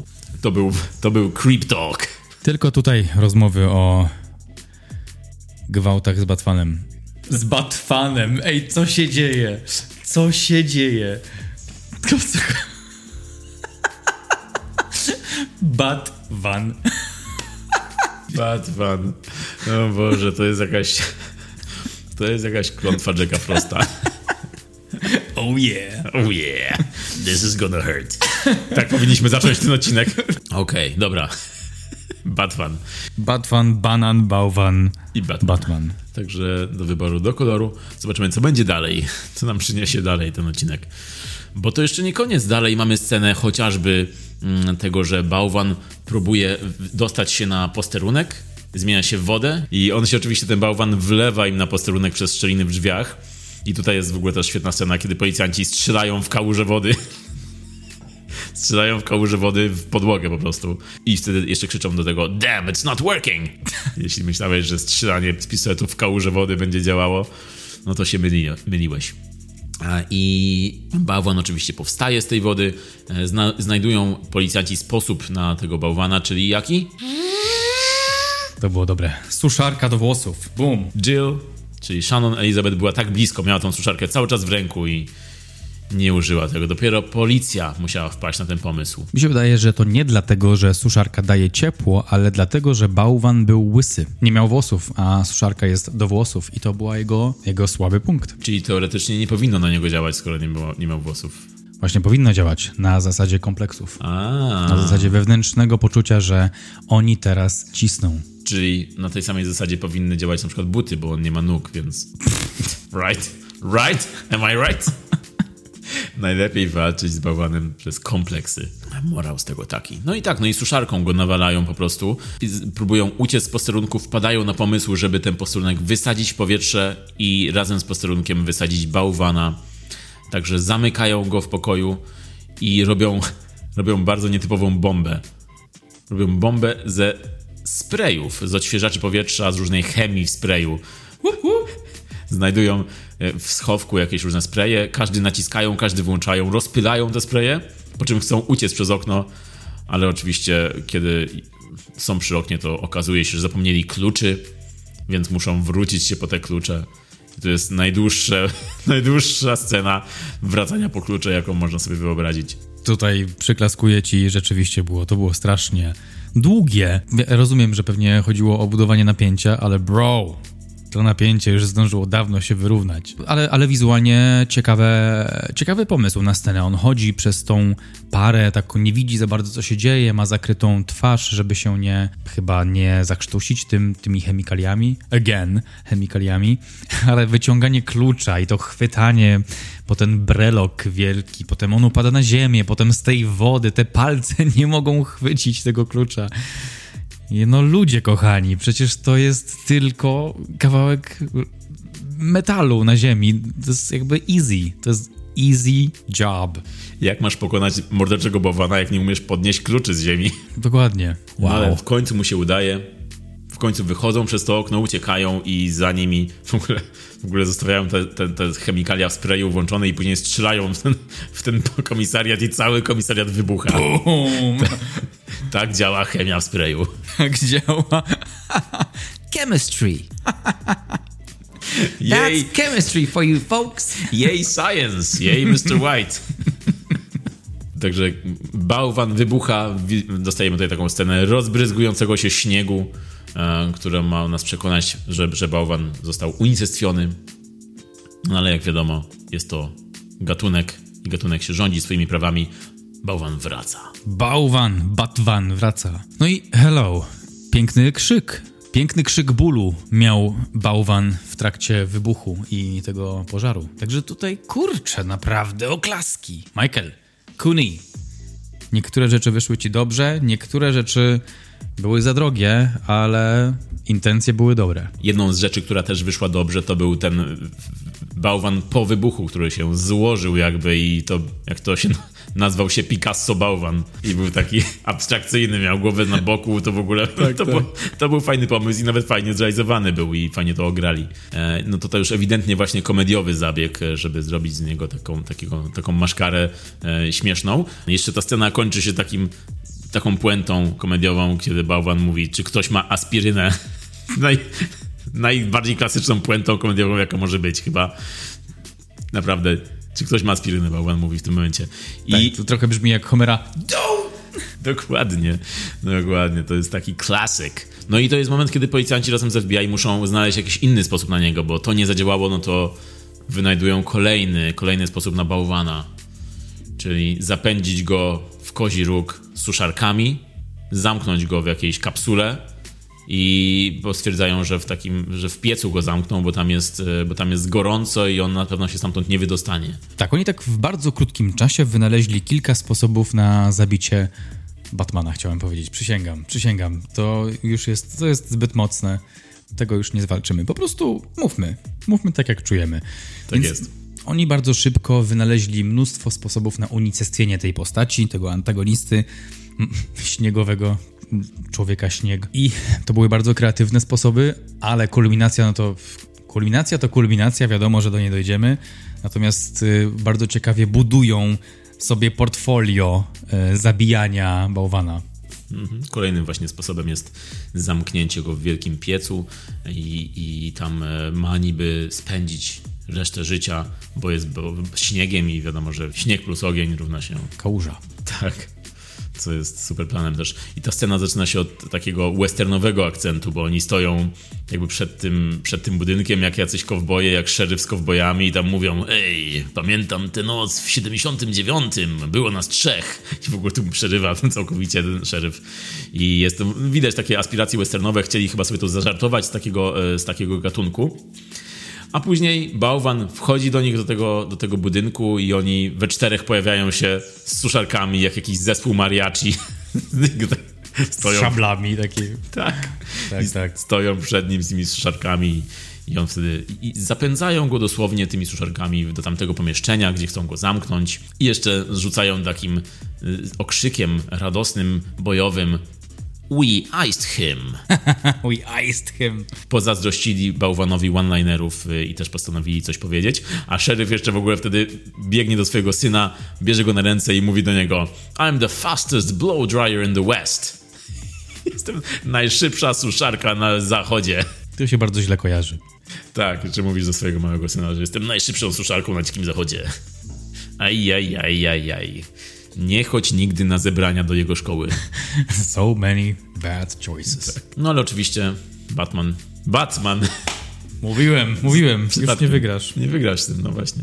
Ale oczywiście Bałwan wraca, mm, zabija przy okazji agentów FBI. W scenie, która no myślałem, że jednak ten naukowiec coś tu wskóra, coś zdoła zrobić, bo on próbuje go jakoś przekonać, że hej, jesteś moim wynalazkiem, stworzyłem cię jak Terminatora i także nie rób mi nic, ale on go oczywiście rzuca tekstem I'm cold i go zabija, as you do, znowu. W ogóle ten cały bałwan rzuca tak one-linerami, jeden po drugim, jakby się nie mogli zdecydować, nie? W pewnym momencie jest już to takie, rzuca jeden, potem dodaje drugi, jeszcze trzeci na to. Trochę jak Mr. Freeze z Batmana dzwonił i mówił, żeby oddać mu jego teksty. Tak było, to prawda. Ale dobre są te teksty. To dlatego dla tych tekstów też się ogląda ten film, wydaje mi się. No, to są takie dobre puenty tych każdych e, scen morderstw, kiedy bałwan właśnie podsumowuje wszystko i w, w jednym oczywiście momencie musi powiedzieć Don't eat yellow snow. Chyba w innej scenie też mówił, że jak ktoś się go pytał Who are you? To powiedział, że jest najbardziej wkurzonym Yellow Snow Cone in, in gdzieś tam. In the Tak. city, in the town, może Tak, in tak, the world. In the world, chyba tak, to było najbardziej wkurzonym, e, tak, e, jak to możemy przetłumaczyć? Jak to można przetłumaczyć? Rożkiem lodowym. Żółtym rożkiem lodowym, czyli chodzi tu oczywiście o mocz w śniegu. Trochę mnie rozbawiło to, jak to powiedziałem. Zabrzmiało to tak bardzo akademicko. Chodzi oczywiście o zjawisko moczu w śniegu. Tylko tak można rozmawiać o tym filmie rzeczywiście. I no, widać, że to jest. e, Całość powstała z miłości do tych one-linerów e, i reżyser Michael Cooney musi być na co dzień takim gościem, który właśnie w każdej rozmowie musi wrzucić jakiś one-liner, pewnie coś czuje. I zawsze jak z dziećmi rozmawia, to dzieci mówią, ale tato, już daj spokój. I później, kiedy agenci FBI giną, jeden z nich wychodzi, jakby bałwan był przebrany za niego. Trochę było to scena jak z facetów w czerni, kiedy ten był kiedy był Robal w stroju z Edgara. To tak tutaj ta scena jest, kiedy, kiedy agent, kiedy ten, ten, ten naukowiec wychodzi i ma taką wielką szyję i udaje, że jest wszystko ok, ale ewidentnie nie wygląda ok. Przy czym zaraz bałwan mówi do niego, a fuck it! I zrzuca kostium i wraca do swojej prawdziwej formy, czyli nie wiadomo po co to wszystko było. Skoro i tak ledwo wyszedł z tego budynku, to i tak już się poddał. No i ma, mamy już zaraz finał. Dochodzimy do finału naszej czterogodzinnej rozmowy. No tutaj oni chowają się, szeryf z synem chowają się do samochodu, chcą uciec, ale samochód nie odpala, przy czym bałwan pojawia się przed maską samochodu i wlewa się do samochodu przez ten nawiew cały i mówi przy tym tekst I think your engine's flooded. No to jest taka, jest taka maszynka do, do tekstów amerykańskich. Tak, a oni bohaterowie nie mogą wysiąść z samochodu, tylko oczywiście czekają, aż on się wleje, wróci do postaci bałwana i dopiero wtedy e, szeryf Odruch, pierwsze co robisz, bierzesz owsiankę z siedzenia obok i walisz bałwana owsianką i dopiero uciekają. Przy czym okazuje się, że w owsiance był ten zapowiadany już dawno odmrażacz do samochodu, który jego syn tam wlał i atakują go tym odmrażaczem i się okazuje, że odmrażacz działa na bałwana, że zaczyna się rozpuszczać jak jakiś toksyczny mściciel dosłownie. I bardzo przy tym cierpi. Tak, i to nie jest tak, że śnieg się rozpuszcza, tylko po prostu widać jakby pod tym śniegiem miał jakąś, jakieś mięso. On ma nagle organy po prostu pod tym śniegiem. Tak. I Czyli widać, że w zupełnie inny sposób y, zaczyna niszczeć. Także syn chciał zabić ojca, ale przypadkowo trafiło się tak, że znalazł sposób na zabicie bałwana, a tym sposobem jest odmrażacz, antifreeze. A w ogóle jak mówi to do swojego ojca, że tato, nalałem ci odmrażacza, to ojciec w ogóle zero z dziwnej reakcji, tylko a, dobrze zrobiłeś, bo dzięki temu możemy pokonać bałwana. zero jakiegoś, ej, to jest dziwne, że mi nalałeś do owsianki odmrażacza, prawie mnie zabiłeś. Nie, nie, nie. Powin, powinni mieć chociaż minutę rozmowy na ten temat, ale nie, nie. Świetna robota, synu. Nam brakuje w tej rodzinie, rodzinie takiego, takiej relacji chyba widać. Czy on w ogóle chodzi do szkoły? Nobody knows. Jest tylko w kuchni i gotuje rzeczy z odmrażaczami. Koledzy go no, y, terroryzują, przy czym nagle giną. Dokładnie, dokładnie. To jest idealny scenariusz. Idealny przepis na mordercę Tak. seryjnego. Tak jest. No i, no i mamy tu już finał, kiedy, kiedy szeryf walczy z bałwanem gdzieś wewnątrz jakiegoś budynku na wysokim piętrze jakimś i nagle, nagle myślimy, że szeryf zginął od sopla lodu, przy czym szeryf pokazuje I got you, sucker! I wypadają razem z okna, łapie tego bałwana, wyskakują z okna i to jest wszystko idealnie zaplanowane przez szeryfa. To jest taki moment, kiedy szeryf musi uwierzyć w to, że jak wyskoczą, to trafią idealnie w to miejsce, gdzie chcieli trafić, bo za okno podjeżdżają, bo za, za oknem podjeżdża ciężarówka z odmrażaczem, po prostu pełna paka odmrażacza jest, tak płynie ten odmrażacz na tej pace i wylatują razem przez okno i on wskakuje z bałwanem do tej do tego odmrażacza i bałwan się topi, topnieje tak bardzo znowu jak czarownica z Oz. Trochę tak I'm melting. tak. Jack Frost tego nie mówił. Nasz bałwanowy Batman. Ale to, jak się zachowywał, było głośniejsze niż słowa. To jak szeryf walczył z tym Batma Batmanem znowu. To jak szeryf walczył z tym bałwanem w tym odmrażaczu, kiedy to wyglądało jakby walczył dosłownie z kukłą. Więc to było tak ewidentnie, że on tak szarpie tą kukłę i my mamy uwierzyć w to. Ale pod wrażeniem byłem tej sceny, tego wyskoczenia z okna. To musiało być trochę niebezpieczne. Tak, ten cały stunt był naprawdę dobrze zrobiony i to było widać, że to jest w jednym ujęciu i fajnie zaplanowane, wykonane. To dobrze wyglądało rzeczywiście, no. I kiedy ten bałwan ginie, no to już myślimy, że jest po wszystkim, a wtedy nagle ujęcie na syna i okazuje się, że syn trzyma w ręce rękę bałwana i mówi hej tato, zobacz, tu jest jego ręka jeszcze. Kolejne, kolejna oznaka, że z tym synem jest coś nie tak. Coś tam jest nie tak, nie, nie. Cały film walczy z bałwanem morderczym i jeszcze trzymasz jego rękę i nie wiesz, co z nią zrobić. I nasi bohaterowie łapią tego syna z tą ręką, nie, nie biorą ręki, tylko łapią całego syna z tą ręką i wrzucają tego syna do odmrażacza, w ogóle do tego basenu z odmrażaczem. nie przejmuj się synem, on sobie poradzi. No bo ta ręka go zaczyna zgniatać, no nie? Tam e, chyba za głowę łapać i coś robić, dusić może. Tak, ale coś, coś mi się wydaje, że kiedy małe dziecko pływa w basenie z odmrażaczem, to może mieć jakieś negatywne konsekwencje dla niego w przyszłości? No oni robią wszystko podręcznikowo, żeby Jeffrey Dahmer się narodził. No i tym sposobem doszliśmy do końca, kiedy pokonują bałwana i zakopują go w tych butelkach z odmrażaczem gdzieś, w, gdzieś daleko pod ziemią. I ostatnie ujęcie jest takie, jak coś tam bulgocze w tej butelce, znaczy, że bałwan jeszcze żyje. Jack Frost jeszcze żyje. Najlepiej, powiem tak. Co zrobić z przypadkowym tworem FBI, który odradza się ze śniegu za każdym razem, gdy chcesz go zabić? Zakop pod ziemią, na której leży śnieg. To zadziała. Nie oddawaj tego do FBI. Nie, nie proś naukowców, żeby to zniszczyli jakoś w laboratorium. Zakop w butelkach pod śniegiem. Świetny pomysł. I y, to on, stwórcy nawet się nie starali, żebyś sobie zadał pytanie: Hej, czy będzie druga część? Jak już tylko zakopywali, to a, okej, on powróci. To będziemy to. Będzie osiem części. To będzie szybcy i wściekli. I tak miało być, bo e, sequel rzeczywiście powstał. W 2000 roku powstał film Jack Frost 2 Zemsta zmutowanego zabójczego bałwana. W oryginale Revenge of the Mutant Killer Snowman. Okej, okej. Myślę, że pasowałoby tylko Revenge i byśmy wiedzieli o kogo chodzi, ale Wydaje mi się, że Dlatego jest ten podtytuł, żeby już nikt nie pomylił tego z filmem z Michaelem Keatonem.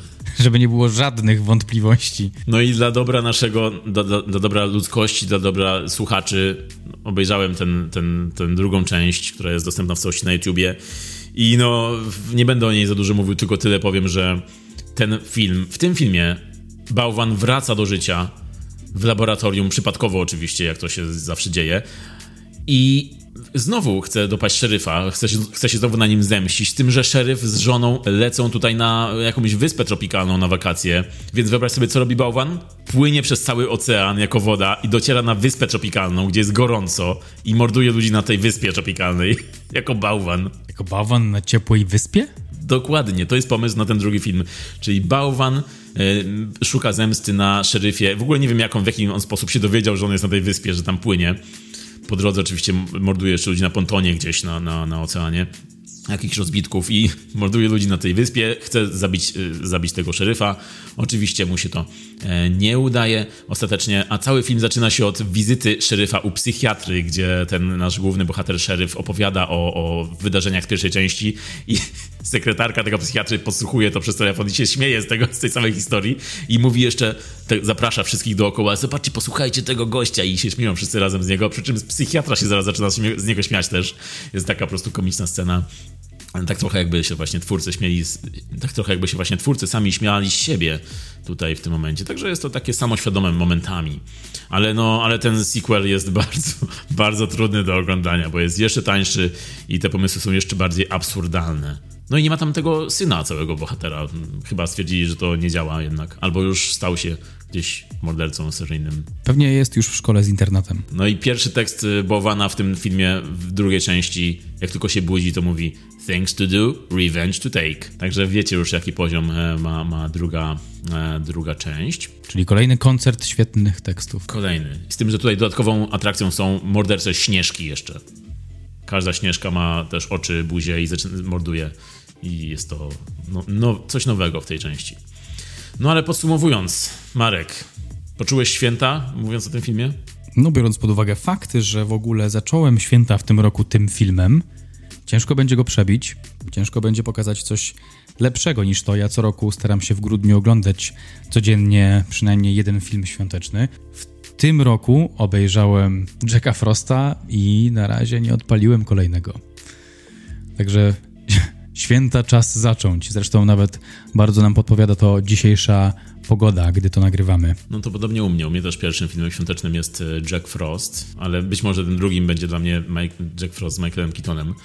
Ale no, tego, tego nie wiem. A być może jeszcze jakiś inny horror weźmiemy sobie na tapetę świąteczny, no nie wiadomo. A jeszcze zapomniałem ci powiedzieć, bo, bo jeszcze planowana była trzecia część tego filmu. Twórcy... Co się stało, Michał? co, się, co poszło nie tak? Co poszło nie tak? Trzecia część tego filmu była zapowiadana już w finale drugiej części oczywiście. W napisach była scena, kiedy jakiś statek z Japończykami płynie oceanem i nagle pokazują sobie, że widzą zamarzniętą wyspę, na której się właśnie działa ta druga część i nagle film nam sugeruje, że z wody wyłania się wielki bałwan i oni robią takie, Japończycy robią takie co się dzieje? I mówią nagle Jackzilla! Wow. To było to. I trzecia część filmu miała się nazywać Jack Frost 3 Jackzilla. I jeszcze film się kończy tym, że taka wielka, ogromna marchewka spada na ten statek i go zatapia. Wyobraźcie sobie to. Świetne. Wszystko, wszystko, em, wszystko pojawiło się w momencie, gdy jakiś losowy typ zobaczył trochę większego bałwana na zewnątrz swojego domku i pomyślał: Ej, trzeba zrobić o tym film. Well, that escalated quickly. Dokładnie. Ludzka wyobraźnia nie ma granic. No ale trzecia część niestety nie powstała i wydaje mi się, że nie powstanie. Yy, dlaczego? Bo niestety aktor grający główną rolę Christopher Allport yy, nie żyje. Zginął kilkanaście lat temu i bez niego nie chcą kręcić już trzeciej części. A wiesz jak zginął w ogóle? To ci powiem. Bo zginął, wyobraź sobie, będąc w górach, zabiła go lawina śniegu. Coś tu jest tragicznie ironicznego w tym, w tym, w tej historii. Także Jack Frost z 97 roku, nie pomylcie filmu oczywiście. Jeden ze świątecznych klasyków, może nie jest to Last Christmas, ale też jest nieźle. My wam polecamy oczywiście.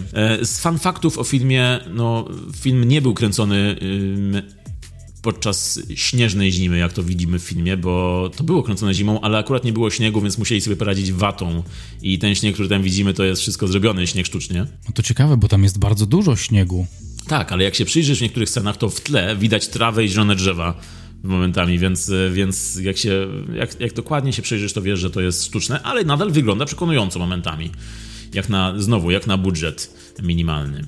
W ogóle twórcy wspominają y, pracę na planie bardzo dobrze, bawili się świetnie, a reżyser y, do dzisiaj lubi rozmawiać z fanami tego filmu i, i, bardzo miło wspomina ten okres. Mówi, opowiada o tym, jak wymyślali na planie, improwizowali dużo, jak właśnie musieli tworzyć ten film taką wspólną energią amatorską. I to jest y, widoczne w tym filmie, bo ten film to jest duży fan nie jest taki fan, jak, jak można by się spodziewać po, po, po regularnym filmie kinowym, ale właśnie to jest taki, widać tę energię taką, e, trzeba coś zrobić teraz, musimy to wymyślić, musimy wymyślić sposób, żeby pokazać to.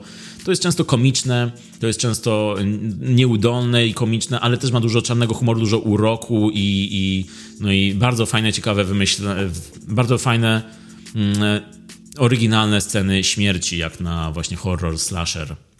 Oczywiście jest tam dużo takiego filmowego sera z lat 90., no ale czego się możemy spodziewać po filmie o morderczym bałwanie? Chyba niczego więcej byśmy nie chcieli niż to, co tutaj jest.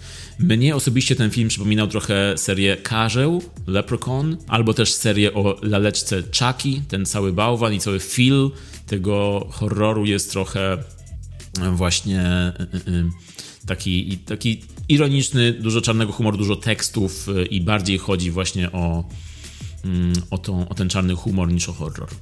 Jack Frost był jeszcze znany też w wypożyczalniach y, ze względu na swoją, y, ze względu na swoją okładkę, bo okładka DVD, Blu-ray była taka, e, jak często się wspomina dzisiaj, była często straszniejsza niż cały film, bo była takim 3D i jak się patrzyłeś pod jednym kątem, to widać było zwykłego bałwanka, jak zmieniłeś, bo drugi kąt to był taki bałwan, taki groźny z zębami i to, to przyciągało do filmu. Dzięki temu ten film też zdobył swoje drugie życie właśnie w wypożyczalniach, bo stał się takim małym, niszowym klasykiem e, i, i zyskał pewien kult wokół siebie.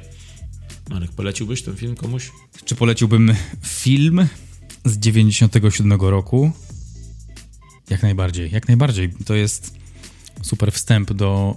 To jest film, który poszerza nasze rozumienie Jacka Frosta w wersji Michaela Keatona. Film przypominał mi troszeczkę opowieści skrypty, jak na początku przynajmniej jak oglądałem. Był to bardzo storytellingowy styl, który nie wyszedł za dobrze, ale można było to dostrzec. No i widziałem tam sporo motywów z innych filmów. Ogólnie był to był to jakiś antagonista, który miał nadprzyrodzone moce. Trochę mi się laleczka Chucky tutaj ko ko kojarzyła z tym trochę, trochę Terminator i T-1000, jak się rozpływał i potem powstawał e, z ciała stałego w ciecz, potem w ciało stałe. A to tak miał być właśnie. To miał być Terminator, kiedy był projektem za 30 milionów. To mhm. reżyser mówił właśnie, że, że, że on pisząc to myślał o Terminatorze właśnie przy tych scenach. A, okej. Okay. I gdyby efekty pozwoliły na to, to pewnie by to wyglądało dużo lepiej, ale ale jest jak jest. Ale jest jak jest. Dlatego właśnie dobrze, że jest jak jest, ponieważ to trochę urozmaica nam doświadczenia.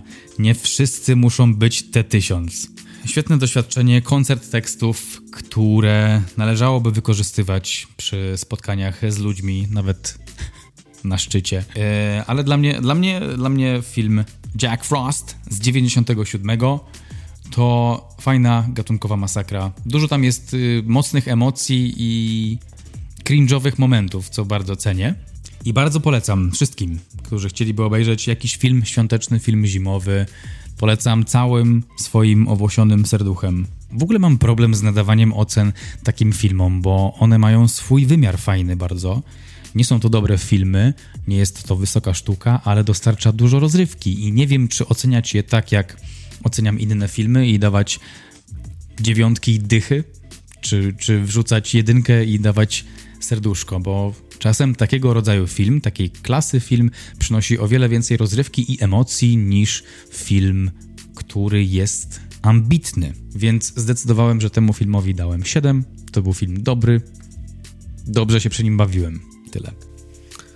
No to jest dobre podsumowanie. Ja, ja oceniając też takie filmy też mam problem, ale, ale widząc że w filmie Jack Frost jest dużo frajdy, no rzeczywiście innego rodzaju frajdy gatunkowej niż w typowych horrorach, ale widać też, też frajdę na planie. Widać, że twórcy tutaj e, bawili się dobrze i bawili się tym materiałem, który był absurdalny, ale oni embraced it, oni to objęli i przytulili tę inność swoją i postanowili się tym szczycić. Zresztą nawet w napisach e, Jacka Frosta są teksty, e, które twórcy rzucali do siebie na planie i te teksty są często zabawne, właśnie na przykład jak to, że jest nagle w napisach tekst, e, końcowych napisach, że przecież bałwany nie mają rąk i tak różne, różne takie teksty z planu, które, które zapamiętali wrzucili.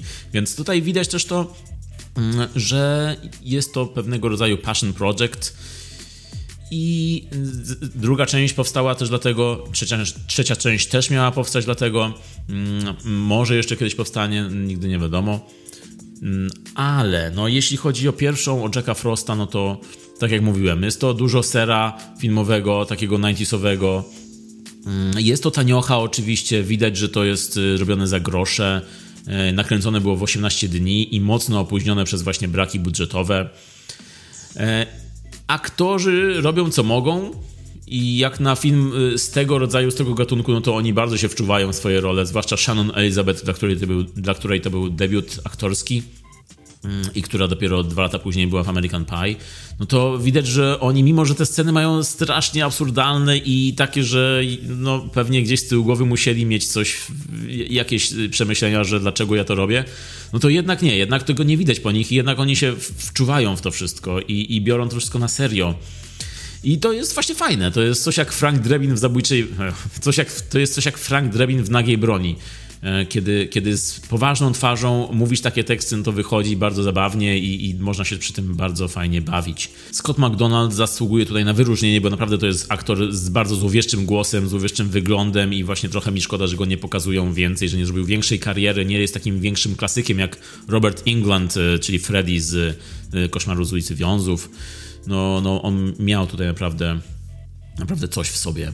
Także wszystko zostało powiedziane. Ja dla tego filmu mam też taką ocenę specjalną, czyli jest to jedynka z serduszkiem lub też siódemka zależy w którą stronę patrzeć, z której strony patrzeć na ten film, no to to jest, jest e, na pewno coś, co warto polecić jako takie doświadczenie e, wspólnego oglądania i dlatego też namawiamy Was, żebyście doświadczyli tego na pokazach z cyklu Najlepsze z Najgorszych w całej Polsce. Sprawdźcie sobie na Facebooku e, i, i, i co? I do zobaczenia na prelekcji, do zobaczenia na filmie i do usłyszenia w kolejnych odcinkach naszego podcastu. Dziękujemy Wam bardzo. Mówili do Was Michał i Marek. Do zobaczenia, usłyszenia w następnym. Cześć. Poptoka.